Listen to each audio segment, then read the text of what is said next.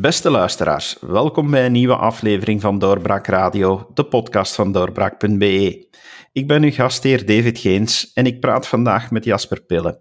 Hij is Kamerlid voor Open VLD in opvolging van uh, Vincent van Quickenborne, die nu minister is geworden. Goeiedag, meneer Pille. Hallo. Zoals ik al zei, u bent opvolger. Uh, dat is natuurlijk altijd uh, op een andere manier dat u dan in de Kamer terechtkomt. Hoe is dat eigenlijk in uw geval verlopen? Hebt u op een gegeven moment telefoon gekregen uh, waarin dan gezegd wordt van rep u naar de Kamer, want u bent nu Kamerlid geworden? Uh, rappen was het niet. Rappen was het niet. Uh, het was eigenlijk een, een, een, enorm vreemde situatie. Ik heb uh, er negen jaar kabinet op zitten. negen jaar als ik vlug reken, ja. En ehm, ja, typisch, dus de tweede keer dat ik eigenlijk een einde van een, een kabinet meemaak, een einde van een regeerperiode. En typisch aan zo'n periode is dat iedereen zich zo'n beetje op die beleidszalen begint te positioneren. Uh, er zijn mensen die de beslissing al genomen hebben om terug te keren naar hun administratie, om het wat om, om, om, terug te focussen op, op wat ze eigenlijk zeer goed uh, doen. Er zijn mensen die echt eigenlijk al weken op voorhand overal uh, de straat aan het aflopen zijn, uh, contacten aan het leggen zijn, om toch maar zeker opnieuw meegenomen te worden op een volgend kabinet. Er zijn mensen die, die al weggegaan zijn. Dus iedereen is zo'n beetje aan het positioneren. En ik was er eigenlijk absoluut nog zelf niet uit. Ik had enerzijds zin om verder te gaan op mobiliteit, want ik kwam van de beleidszaal mobiliteit. Ik ben daar het laatste anderhalf jaar uh, kabinetchef geweest, daarvoor woordvoerder. En uh, aan de andere kant zei ik ook van ja, die COVID heeft er toch wel ingehakt, uh, enorm veel gewerkt. We hebben enorm veel gewerkt uh, die laatste maanden. Ook even gedacht van kijk, na al die jaren kabinet zou het niet interessant zijn om even op een administratie te gaan. Ik word volgend jaar ook schepen in onze stad. Daar komen we misschien straks nog op terug. Ik weet het niet. Dat hangt af van uw vragen. Uh, van, uh, om dan even van op die administratie uh, al mijn toekomst als schepen te gaan voorbereiden. Ik was er nog niet uit. En ik herinner me nog goed, we zijn dan de zondag een wandeling gaan maken. En de zondag begon men zo te fluisteren van ja, het zal de Croo worden en niet. U herinnert zich, dat was het duo die toen uh, de leiding van de onderhandelingen uh, op uh, zich had genomen. En men zei toen van, het, zal, het zal waarschijnlijk de Croo worden. En oké, ja, ik... Oké, okay, je, je, neemt daar akte van in de media. Ja, er wordt zoveel geschreven, zeker in zo'n regeringsformatie. En dan ja, begonnen toch eigenlijk vrienden van mij, en nogthans, ik ben dag in dag uit bezig met politiek. En op dat moment was ik daar eigenlijk niet onmiddellijk wakker, van, uh, wakker genoeg voor. Uh, zeiden mensen, ja, maar als het te Croo wordt, dan is het toch wel zeker van Quickenborn de vicepremier en dan kom je in de Kamer. Dus als, dan waren we zondagavond, maandagmorgen. En toen zei ik van, ja, nee, uh, dat zal niet gebeuren. Zo'n beetje voor mij uitduwen. En dan, ja, dan opeens gaat het heel snel heen. Dan hoor je ochtends bij het opstaan, het is Alexander de Croo die, die premier wordt. Uh, en ik herinner me nog goed, ik heb toen een aantal journalisten opgebeld, die schreven het zal van Quickenborn minister zijn. Ik ken natuurlijk beroepshalve een aantal van die mensen. En toen, ik zal nu natuurlijk geen namen noemen, maar toen hadden we er toch een aantal toe nee, eigenlijk, uh, eigenlijk uh, ja, dat is gewoon een een goed onderbouwde hok. We hebben zeker geen bron die dat bevestigt. Toen heb ik ook aan, aan de vrienden, die, die ondertussen ook al het sms'en waren en dergelijke meer, gezegd, ja, nee, nee, nee, dit is dit is nog vroege dag, we zien wel. En dan is het eigenlijk in de avond geworden. Uh, in de avond, men was die casting aan het doen. En uh, toen heeft de voorzitter Lachart mij laten weten van kijk, uh, via sms van kijk, morgen word je in de Kamer verwacht van morgen zal je dus de eet mogen afleggen. En dat was een rare periode, omdat natuurlijk, ik, ik was volop bezig met het leegmaken van mijn bureau op het kabinet. Ik was, de dozen stonden rond mij. Um, en het is zelfs zo dat ik na mijn eetaflegging mij eigenlijk heel vlug uh, verwijderd heb, uh, terug naar het kabinet waarvan ik kwam. Uh, om daar de nieuwe minister, meneer Jules Quinet, te ontvangen, met mijn oude minister, meneer Belot, om dus daar eigenlijk de machtsoverdracht en de dossiersoverdracht nog te doen. Dus het was echt eetafleggen en dan onmiddellijk terug naar het kabinet, om daar eigenlijk tussen de, tussen de volle dozen en in de lege bureaus nog die machtsoverdracht in orde te brengen. Dus het was, het was een bizarre periode voor mij. Dat kan ik me inderdaad inbeelden. Hoe bent u eigenlijk in de politiek terechtgekomen? Het LVSV. Ik denk dat heel veel lezers van u, uh, allez, heel veel luisteraars en bezoekers van de website het LVSV kennen. Ik denk dat er trouwens ook heel veel mensen zijn die u al uh, geïnterviewd heeft, die minstens uh, actief zijn geweest bij LVSV, of toch tenminste op de debatten van LVSV. Het is eigenlijk via LVSV gegaan. Ik, ik, ik heb mijn rechtenstudies aangevat in Kortrijk. Ik ben een West-Vlaming. Kortrijk was uh, toen een van de beste keuzes. Waarom? Eén, mijn vrienden gingen daar naartoe. En twee, de treinverbinding met Kortrijk was dermate lang, langer dan Gent, dubbel zo lang als Gent. Uh, waardoor mijn ouders zeiden, ja, dat gaan we je niet aandoen als je naar Kortrijk gaat. Uh, dan mag je het eerste jaar op kot proberen en dan zien we wel wat de resultaten zijn. Dus Kortrijk was om die twee redenen in feite een, uh, een, een, keuze die ik toen gemaakt heb. En daar eigenlijk in aanraking gekomen met, met het LVSV, het Liberaal Vlaams Studentenverbond. met het liberalisme. Kortrijk is een kleine universiteit. Ik heb nu een zoontje van drie en eentje van één. Als ze binnen 15 jaar zouden kunnen de stap zetten naar een studierichting die aangeboden wordt in Kortrijk, dan is het onmiddellijk Kortrijk. Ik heb daar de, de time of my life gehad. Een fantastische faculteit. En een kleine faculteit, waardoor uh, je, je allemaal iedereen continu tegenkomt. En je had daar ook een, een christendemocratische student in, je had daar een LVSV en dergelijke meer. Uh, en, en dat leefde daar enorm en dat werd ook door die professoren. Ik herinner me professor Telleman bijvoorbeeld, de, de, de eh, ex-decaan van de rechtsfaculteit van Leuven, uh, die dat enorm aanmoedigde. Die enorm zei van jongens, doe dat, organiseer die debatten. die ook het rectoraat bijvoorbeeld ter beschikking gesteld heeft. Dus in Kortrijk is eigenlijk echt die vlam overgeslaan. Ik herinner mij nog twee zaken. Dirk Sterks, het koningsdrama bij Open VAD ik was toen zo al een klein beetje lid, uh, want van LVSV is natuurlijk de stap zeer klein naar Jong VLD. Ik herinner mij nog dat uh, na, het Koningsdrama, uh, herinnert zich dat waarschijnlijk ook nog, 2004 zeker, over het migrantenstemrecht, dat die de Hurt eigenlijk echt dan op een ongeziene manier aan de kant schuift en die daar Dirk Sterks naar voren brengt als, als, als voorzitter. Wel, Dirk Sterks zat de volgende dag bij ons in Kortrijk. Dat was eigenlijk al lang voorzien. Dirk Sterks heeft toen zijn belofte gehouden om te komen. Natuurlijk was de nationale pers op aanwezig, want dat was eigenlijk de eerste keer dat, dat een Dirk Sterks als, als ja, interim voorzitter, voorzitter ik, ik, weet niet meer onder welke vorm het was, dat die man eigenlijk uh, in, het openbaar ging spreken. Dus dat was zo'n moment waarvan hij zei, wauw. En dan een ander moment hebben wij eh, echt ook een beveiliging moeten laten aanrukken van de, van de, uh, van, van de rector toen van de KULAK. Dat was toen dat Pieter de Krem, moet ook zo ongeveer het jaar 2003 geweest zijn, aanloop naar de federale verkiezingen. Pieter de Krem had dan een aantal uitspraken gedaan over het cordon en over samenwerking. En net in die week hadden wij een, een groot debat eh, voorzien de crème tegen de winter. Dus de crème tegen de winter, zeker in die tijd, dat geeft altijd vuurwerk. En net was dat in de week. En opnieuw, eh, de stress was ongelooflijk toen uh, bij de organisatie. Dus bij mijzelf en een, tweetal vrienden, want er waren eigenlijk drie, vier man die dat trokken. Ja, gaan ze wel komen, gaan ze wel komen. Ze kwamen, extra beveiliging, cameraploegen, dat, dat was ongezien. En dus op zo'n momenten ja, voel je echt van, kijk, politiek, eh, dit, dit is iets wat me boeit, dat is iets wat me drijft. En dat was eigenlijk de stap naar, naar actieve politiek, tussen aanhalingstekens, eh, bij de Jong VLD, acties gaan doen en, petities gaan afnemen en wat nog allemaal zo de typische uh, school van, van politici. Uh, die stap is natuurlijk heel klein, hè.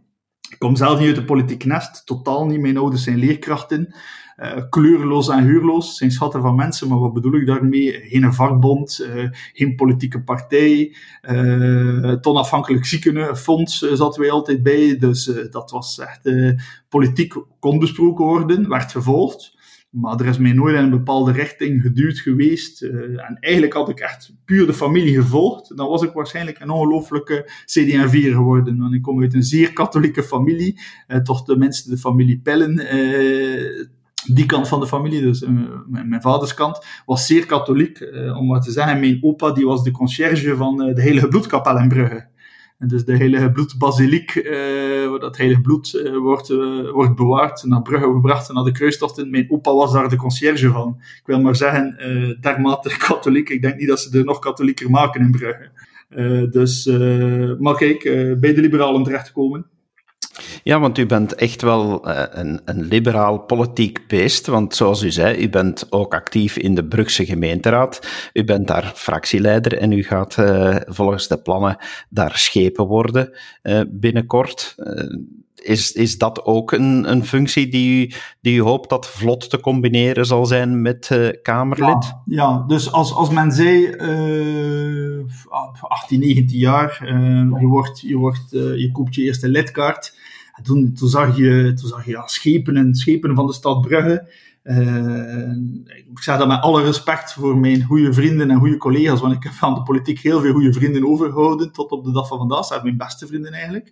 Uh, maar ik zeg dat uh, met alle respect voor hen uit kleinere gemeenten, landelijke gemeenten. Maar natuurlijk schepen van de stad Brugge, dat is als je in de stad, ik weet niet of dat u daar al geweest bent of dat veel van de luisteraars er al geweest zijn, loop daar zeker eens binnen. Dat stadhuis van Brugge, dat is natuurlijk fantastisch om daar te mogen schepen worden. toen ik 20 jaar was, 19 jaar was en men zei kijk, dat is een schepen en zo, dan keek ik daar naar op, dacht ik van, wauw, uh, moet fantastisch zijn. Ja, als natuurlijk die kans komt, en ik heb die kans gekregen in 2018, weliswaar een gedeeld mandaat, uh, dat was spijtig, maar bon, uh, dat zijn beslissingen die genomen geweest zijn.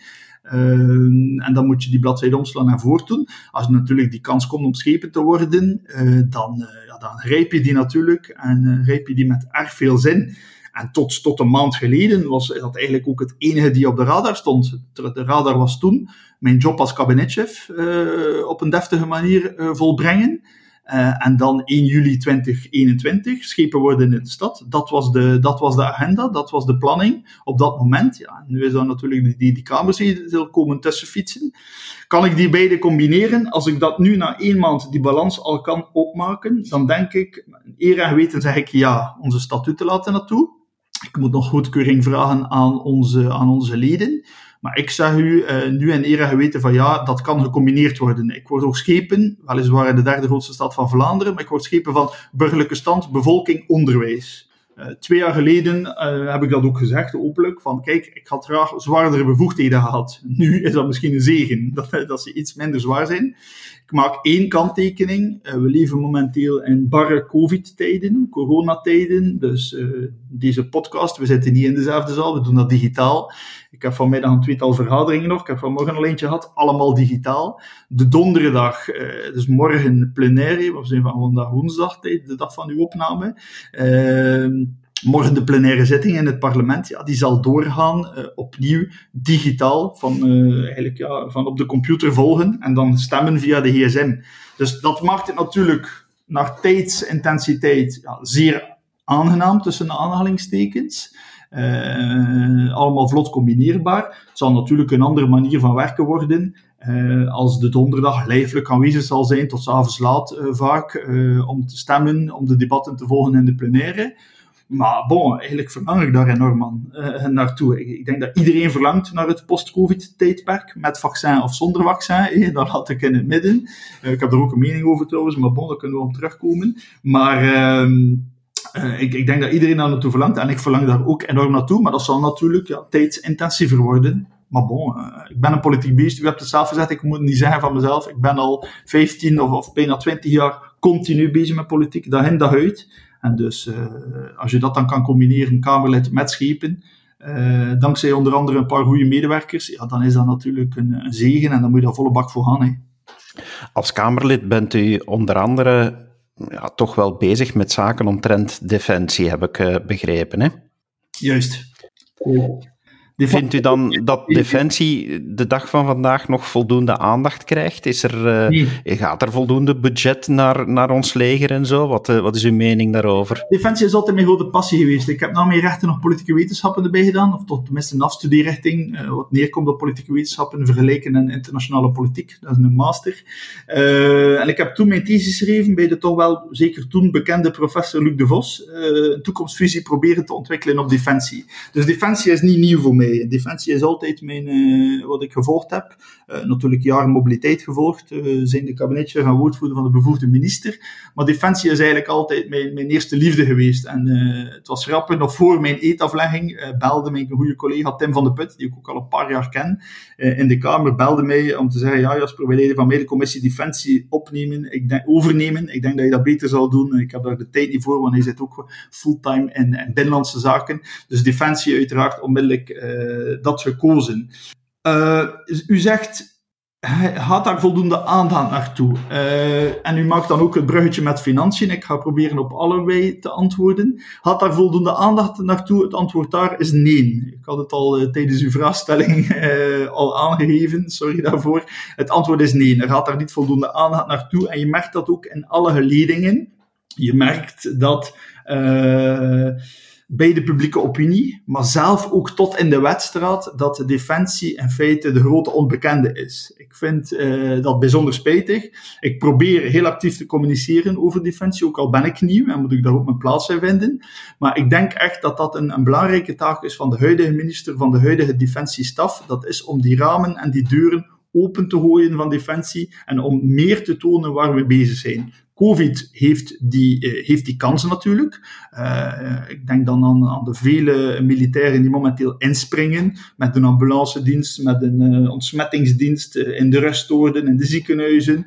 ik denk dus in eerste plaats aan die mensen. Maar ik denk dat we ook na Covid en ook naast Covid moeten meer tonen waarmee Defensie bezig is. Want Defensie, en dat zijn uh, interne, intern onderzoek uh, die ik recentelijk heb kunnen lezen, Defensie heeft eigenlijk wel een positief imago bij de burger, maar als je dan doorvraagt bij die burger van, ja, wat doet defensie? Wat is defensie? Wat zijn de taken van defensie? Dan weet men dat eigenlijk niet. Voor, ik heb sinds, sinds twee weken een, een, een nieuwe medewerkster. Vorige week ging die voor de eerste keer mee naar, naar Brussel met mij. Uh, het was commissie defensie. En dat, die dame vroeg mij heel eerlijk van, ja, kijk, defensie, wat doen die eigenlijk? Dus uh, ik wil maar zeggen, dit is dermate ernstig. Dus ik denk, de vele inspanningen die defensie zich momenteel die Defensie momenteel doet op bijvoorbeeld sociale media, zijn zeer positief. Ik denk dat dat zeer belangrijk is. Uh, ik denk dat dat zeer goed is. Instagram, uh, de, de filmpjes op Twitter, de filmpjes op Facebook. Maar, en dan kom ik bij het tweede deel van uw vraag, de uitdagingen van Defensie zijn gigantisch op vlak van uh, recrutering. Dus Defensie gaat de volgende jaren duizenden jongeren proberen aan te werven. En uh, dan denk ik, vrees ik, dat een, een mooi gemaakt, mooi gemonteerd filmpje op Twitter, op Facebook, misschien te weinig die uh, omgeving, die leefomgeving van die jongeren die potentieel geïnteresseerd zijn in uh, een loopbaan bij Defensie te weinig geraakt. Bijvoorbeeld een Twitter, fantastisch instrument. Ik ben een zeer actief Twitteraar. Uh, maar we mogen nooit vergeten als politici, we mogen nooit vergeten als, als beleidsmakers, als journalisten, dat Twitter toch maar een, een microwereldje is van ons kent ons, van meningen delen, van liefst zoveel mogelijk daarop een reactie te krijgen, al dan niet soms een keer provocerend. Dus minder mijn stijl, maar af en toe kan het interessant zijn. Dus we moeten toch oppassen, want te zeggen, want kijk, ik heb dat ook gelezen in de beleidsnota van de minister, ja, we gaan op de sociale media meer actief zijn. Je moet je durven de vraag stellen, ja, maar met mooie filmpjes op die sociale media, gaan we die mensen vinden, die, die, die heel vaak laaggescholden, uh, die heel vaak uh, mensen die uit school komen zonder eigenlijk een diploma, gaan we die mensen kunnen lokken naar een carrière bij Defensie, die natuurlijk voordeel heeft dat heel veel van de vorming bij Defensie zelf uh, gebeurt. Uh, we hebben die mensen nodig. Uh, NEEDS noemt, noemt, dat in de beleidsnota. Defensie spreekt daarover NEEDS, not in education, employment or training. Dus uh, dat zijn mensen die in feite, ja, dus, uh, zoals de naam het zegt in het Engels, geen opleiding volgen, geen diploma hebben, geen stages doen. Maar Defensie moet die mensen proberen te bereiken. En of dat, dat kan via Facebook en Twitter, ik, ik vrees er een beetje voor. Dus ik denk dat we daar echt nog meer gespecialiseerd gaan moeten werken. En dan tot slot, uw vraag ging ook over de financiën. Ja, daar is natuurlijk Defensie uh, jarenlang, dat is niet uh, de vorige ministers, uh, dat is niet meneer Van de Put, dat is niet meneer De Krem, meneer Flaho, die daar individueel, om, om terug te keren, nu zijn we al bijna aan het begin van de jaren 2000, uh, om daar één iemand aan te wijzen en te zeggen van kijk, dat is hier de grote schuldige. Nee, Defensie is altijd zo'n beetje het kind van de rekening geweest, is altijd de sluitpost geweest van de begroting en dat moet nu echt gekeerd worden. Ik ben daar relatief hoopgevend op. Er was misschien communicatieve valse start van deze minister, wat dat spijtig is, uh, door eerst aan te kondigen van ja, kijk, er zal toch een efficiëntieoefening moeten gebeuren op de werking en de personeelsenveloppen van 0,89%. Andere departementen moeten een grotere oefening doen. De veiligheidsdepartementen moeten dat niet doen. Dus Defensie hoort daarbij. Op zich, dat is eigenlijk al een heel belangrijk signaal vanuit deze regering om te zeggen van kijk, het is maar, en ik zeg dat en alle, met alle voorbehoud, maar, uh, voor alle duidelijkheid. Uh, mocht u mij zien, ik zou zo met mijn vingers in de lucht doen van maar 0,89. Dat is nog altijd veel voor een defensie, een departement in crisis.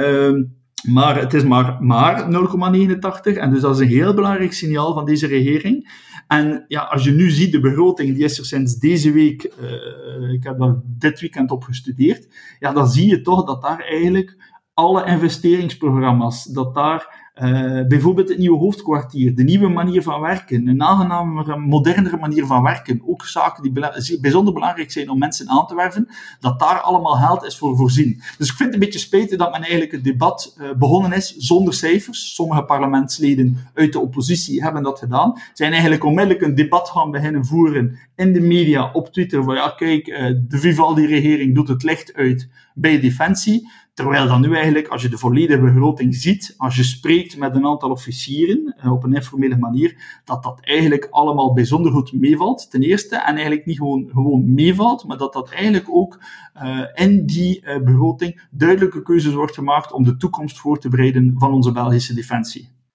Wat voor een leger hebben wij eigenlijk nodig? een kleiner leger, een kleiner leger, een jonger leger. Uh, momenteel is die leeftijdspyramide uh, ongelooflijk uh, omgekeerd. En dat is natuurlijk nooit positief, maar zeker niet bij een defensie. Dus we hebben nood aan een kleiner leger, een beter uitgerust leger, een jonger leger. En een, een, een, leger die, zich in, die, die keuzes maakt. Die keuzes maakt over wat we nog precies gaan doen. Bijvoorbeeld nu, momenteel, en daar heb ik toch de indruk dat er uh, een consensuspolitiek over bestaat, zijn we te actief op te veel verschillende tonelen. We zitten in Afrika, we zitten nog altijd in Afghanistan. Dus daar zitten we bijvoorbeeld met te veel uh, actietheaters waar we momenteel op actief zijn. Dus ik denk dat we moeten gaan, uh, dat we nu enorm moeten inzetten de volgende jaren op, op twee zaken. Eén, op investeringen.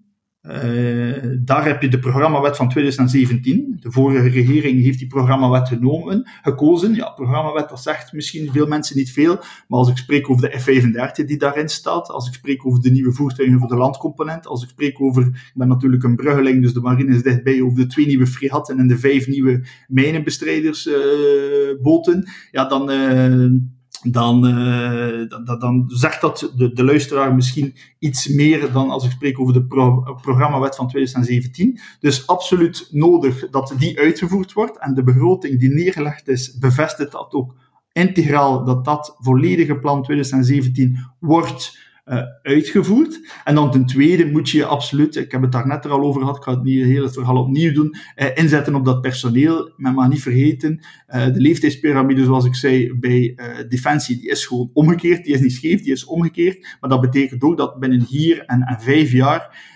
enorm, enorm veel oudere militairen op uh, pensioen gaan. Zodanig veel dat men eigenlijk, als men niet voldoende aanwerft, dat men uh, dat streefdoel van 24.000 militairen, want dat is dus een streefdoel uh, die in de visie uit 2016 staat, 24.000 militairen en 1000 burgers, dat men dat zelf eronder zal gaan. Dus als men niet voldoende aanwerft, dan gaan we eigenlijk binnen de kortste keer naar een leger van 20.000 man. En dan uh, zal je in een situatie terechtkomen dat je in feite je kerntaken, zoals bijvoorbeeld de hulp aan de natie, maar uh, ook de collectieve verdediging in het kader van bijvoorbeeld de Europese Unie en zeker van de NAVO, waar ik een enorme believer in ben, uh, zal je die opdrachten gewoon niet meer kunnen uitvoeren. Dus het is zo dat we nu echt op een kruispunt staan. Als we niet voldoende, dus heel veel oudere militairen gaan op pensioen binnen hier en vijf jaar. ik wil er vanaf, is het is een derde denk ik, of bijna zelf de helft. Dus we moeten echt massaal gaan aanwerven, anders vallen we op 20.000 en zullen we niet meer in staat zijn om onze kerntaken van defensie te gaan uitvoeren. Waarbij dus bijzonder belangrijk is, ik lees ook in de begroting, dat uh, defensie nu eindelijk, eindelijk werk zal maken uh, met, uh, van, van, van een betere verloning voor onze militairen. Het is van 2003 geleden dat daar nog iets gebeurd is.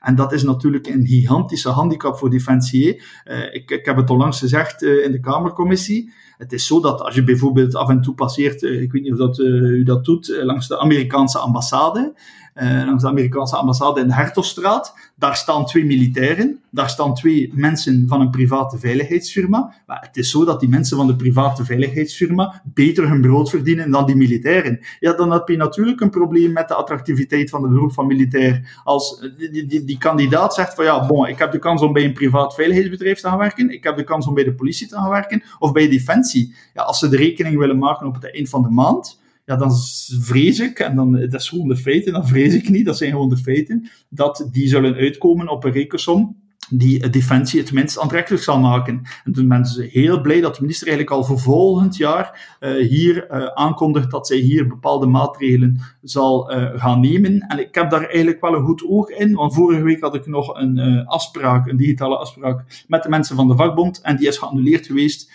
wegens loonoverleg met de minister. Dus ik heb wel de indruk dat daar de nodige stappen in worden gezet. Eh, vreest u niet dat net in deze Vivaldi-regering ook een aantal partijen zitten die, het, uh, ja, die minder enthousiast zijn over defensie en uh, die niet zullen staan springen om defensie al die middelen te geven? Maar ik zal u antwoorden met zo'n typisch politieker antwoord. Mijn excuses daarvoor. Het regeerakkoord is zeer duidelijk. En ik moet zeggen, als daar al bepaalde vrees voor was, en ik, ik begreep uw vraag zeer goed, hè, en ik moet zeggen, ik eh, ik, ik, deelde die vrees tot voor kort ook. Maar als ik de beleidsnota en nu de begroting van de minister zie, dan is dat eigenlijk zeer, uh, dan kunnen we daar eigenlijk gerust zijn. u weet net zoals ik dat de F-35 dat dat een symbool geworden is. Sommigen noemden het zelf de munteenheid, hè, want op de duur ging men rekenen in aantal F-35's. Een F-35 is zoveel waard en, en, men zei dan dat zijn zoveel scholen en zoveel ziekenhuizen en wat nog allemaal. dus de mop ging toen van een F-35 is een munteenheid aan het worden. als ik nu zie dat daar eigenlijk een, een, een PS-minister komt zeggen van kijk, uh, de programmawet, de militaire programmawet met die F-35 in, die is bevestigd. Ja, dan kan je alleen maar besluiten dat we daar ook uh, heel weinig problemen zullen hebben binnen die Vivaldi-coalitie. U bent van Brugge, dus uh, u verwees er ook al naar, de Zeebrugge uh, met, met de marine en zo. Maar Zeebrugge is natuurlijk ook gekend voor een ander probleem, transmigranten. ja, dat is toch ook een problematiek die zeker niet aan uw aandacht kan ontsnappen die problematiek heeft nooit aan mijn aandacht ontsnapt. Uh, dat is inderdaad bijzonder belangrijk. Ik ben van het noorden van Brugge, van Koolkerken heet uh, die deelgemeente. Dat is eigenlijk op de weg naar uh, de kust. Dus Zeebrugge is zeer dicht bij huis voor mij. En daar gaan we toch echt moeten gaan naar een, naar een meer structurelere oplossing in Zeebrugge. ik heb vorige week daar minister Verlinde, de nieuwe minister van Binnenlandse Zaken, over ondervraagd. En uh, zonder het eigenlijk uh, te willen, volgens mij, heeft de minister in feite het probleem van Zeebrugge nog eens uh, bevestigd. Zij heeft daar gesproken over Zeebrugge is in feite een bottleneck. En dat is waar. Zeebrugge is een bottleneck.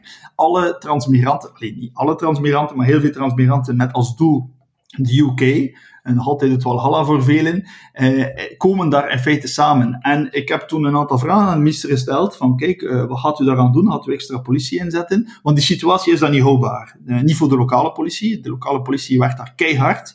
Eh, niet voor de scheepvaartpolitie, die daar ook in zeer goede samenwerking met de lokale politie trouwens hulde aan die mensen uh, samenwerkt. En niet voor de bewoners en niet voor de bedrijven. De bewoners die, allee, je zit er echt in, in verhalen uh, die, die bijzonder problematisch zijn. Nee? Mensen die naar een tuinhuis gaan en daar een aantal transmigranten uh, aantreffen in een tuinhuis die elektriciteit zitten af te tappen om een gsm op te laden. Dat zijn de situaties. Hè. Is dat allemaal extreem zware criminaliteit? Nee, maar we kunnen dat toch niet gaan aanvaarden. Dat je in feite niet meer op een rustige manier naar je, naar, naar je tuinhuis kan gaan, over straat kan gaan. Ik heb beelden gezien van de lokale supermarkt, die daar echt eigenlijk gewoon, uh, plunderen is het niet, maar die daar echt uh, gewoon open en bloot bestolen wordt. Dat zijn situaties die in Zeebrugge, die trouwens nergens, niet meer aanvaardbaar zijn. En de politie doet wat ze kunnen, echt, opnieuw, hulde aan de mensen, hulde ook aan die samenwerking. En zeer moeilijke omstandigheden in die COVID-omgeving. Uh, de bedrijven doen wat ze kunnen uh, met uh, extra beveiliging. En dat is natuurlijk een klein beetje het probleem. En dus daarom zeg ik van de minister heeft eigenlijk bevestigd wat wij al een beetje vrezen. Het antwoord van de minister ging over ja, nog meer, eh, onder andere drones inzetten, uh, nog meer beveiliging. Als je spreekt met de bedrijven, ja, die zeggen ook van ja, nog meer patrouilles, nog meer honden, nog meer hekkens, hogere hekkens, meer drones en dergelijke meer. Ja, dan creëer je nog meer, natuurlijk nog meer het effect van een bottleneck in Zeebrugge en nog meer ronddolende transmigranten die eigenlijk maar één doel hebben. Dat is in die vrachtwagen gaan raken, in die boot geraken, richting Engeland, maar die daar niet in geraken omwille van de extreme veiligheidsmaatregelen die genomen worden en die dus niet anders kunnen doen dan uh, in de duinen, in het dorp, uh, ronddolen om toch maar een oplossing te zoeken voor een situatie. Dus hoe moet je dat nu gaan aanpakken? Het is in feite uh, eenvoudig, het klinkt eenvoudig dat het is, dat weet ik zelf ook wel. daar zijn geen wondermiddelen voor, maar dat is één, verder inzetten van politie. Ik denk echt wel, en die vraag is nog niet gesteld geweest, heeft de minister mij gezegd, maar ik denk echt wel dat we daar moeten met uh, federale steun meer blauw op straat hebben in Zeebrugge, om ook dat basic veiligheidsgevoel terug te geven aan die zeebruggenaren. En mag trouwens nooit de fout. Het is een zeebruggenaar en een bruggeling. Zeer gevoelig in zeebruggen. Dus aan de zeebruggenaren dat veiligheidsgevoel terug te geven. En aan de andere kant ga je echt wel iets moeten gaan doen uh, aan die asielcapaciteit. je moet die mensen gewoon uh, weghalen uh, uit Zeebrugge en je moet plaatsen voorzien om die mensen in onder te brengen in afwachting van de procedures die zij dienen te volgen. En dat is het probleem dat mij ook bevestigd wordt door de politie. Dat is het probleem die mij bevestigd wordt door bewoners die die mensen ook gewoon fysisch herkennen.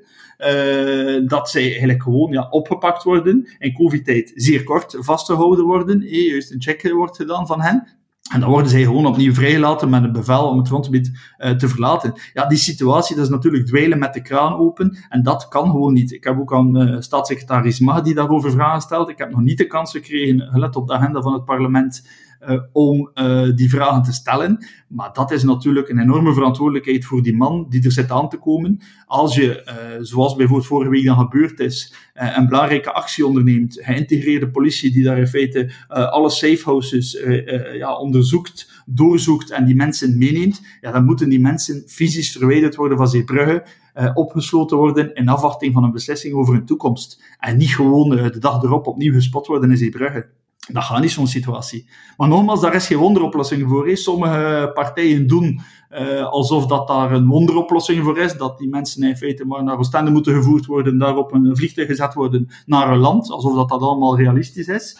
Uh, en dat is natuurlijk een enorm probleem in Zeebrugge, dat is dat de huidige situatie uh, niet alleen door, want dat is natuurlijk de eerste plaats de reden waarom dat de sfeer zo verziekt is, dat is die mensen die daar ronddolen en, en kleine criminaliteit plegen om, om te kunnen leven, om te kunnen overleven. Maar dat is natuurlijk die polarisering die daar enorm optreedt. Dat is een tweede probleem voor die levensgemeenschap hier in Noordbrugge. Een laatste vraag, meneer Pille. U bent opvolger. Ja, dat betekent ook dat wanneer minister van Quickenborne eh, ja, bijvoorbeeld een politieke verantwoordelijkheid zou moeten opnemen voor iets wat uh, misloopt in zijn departement, uh, dat het voor u plots ook kan gedaan zijn. Bent u daarmee bezig? Beseft u dat, dat, dat, uh, dat, dat u zomaar ook terug opnieuw plaats zou moeten kunnen ruimen voor de minister? Uh, ik ben daar niet mee bezig. Net zo min als ik uh, elke dag opgestaan heb, de laat, het laatste, wat is het, 15, 16 maand, met het gevoel van, goh, ik ben eerste opvolger, misschien wordt het vandaag mijn dag. Ben ik net zo min bezig nu met het idee van, als morgen meneer Dutroux over het muurtje klimt in de gevangenis en meneer Van Quickenborne zijn verantwoordelijkheid moet nemen, dat het voor mij gedaan is. Ik, ik ben uh, aanstommelings op een kabinet geraakt. Ik ben uh, dankzij goede score uh, kan ik de helft van de legislatuur schepen worden. Ik ben nu een beetje aanstommelings in het parlement gekomen. Ik ben kabinetchef geworden, een, beetje aanstommelings. Dus echt waar, daar ben ik niet mee bezig. Als ik één ding geleerd heb op mijn jonge leeftijd, dat is dat je in de politiek onmogelijk kan en mag uh, plannen. En ik zeg dat ook aan, aan de mensen die nu binnenkomen bij de Jong VLD, als ik mensen zie van het LVSV, plan uw carrière niet. Ik ben perfect gelukkig als ik morgen terug moet keren naar mijn administratie, uh, om daar mijn job te doen. Doe ik de politiek verschrikkelijk graag, doe ik dit verschrikkelijk graag. Elke dag opnieuw sta ik doodgelukkig op dat ik dit mag doen. Maar uh, carrièreplannen in de politiek mag je nooit doen, niet positief en niet negatief. Trouwens, ik, ik denk dat ik ettelijke keren van leer heb getrokken op jong VLD-congressen. En ik herhaal dat nu ook aan u. Uh, ik ben nog altijd 100% gekant tegen het systeem van opvolgers. Ik vind het zeer positief dat dat afgeschaft is geweest voor de gemeenteraadsverkiezingen. Uh, en ik ben de eerste als dit ter stemming uh, zou voorgelegd worden. Maar dan zal het volgens mij zou ook een keer moeten checken wat er niet in het Vlaams parlement zou gebeuren. Hoe doet er niet toe, als mijn mening wordt gevraagd over het systeem van de opvolgers, dan zeg ik nog altijd heel luid en duidelijk van kijk, schaf dat af. Laat gewoon de beste kandidaten met de meeste stemmen op die lijsten uh, verkozen worden. En laat ons dat systeem van opvolgers samen met nog een aantal andere zaken gewoon afschaffen. Voilà, voilà daar, hebt u, daar hebt u in één keer mee mijn laatste restvraagje beantwoord. Okay. Meneer Pille, het was heel aangenaam van u te leren ja. kennen. Dank u wel. Dank u wel, alleszins aan u uh, voor deze kans. En u, beste luisteraar, dank u wel dat u hebt afgestemd op deze podcast. Blijf zeker luisteren naar diegenen die nog zullen volgen. En graag tot de volgende keer. Dag. Dit was een episode van Doorbraak Radio, de podcast van doorbraak.be.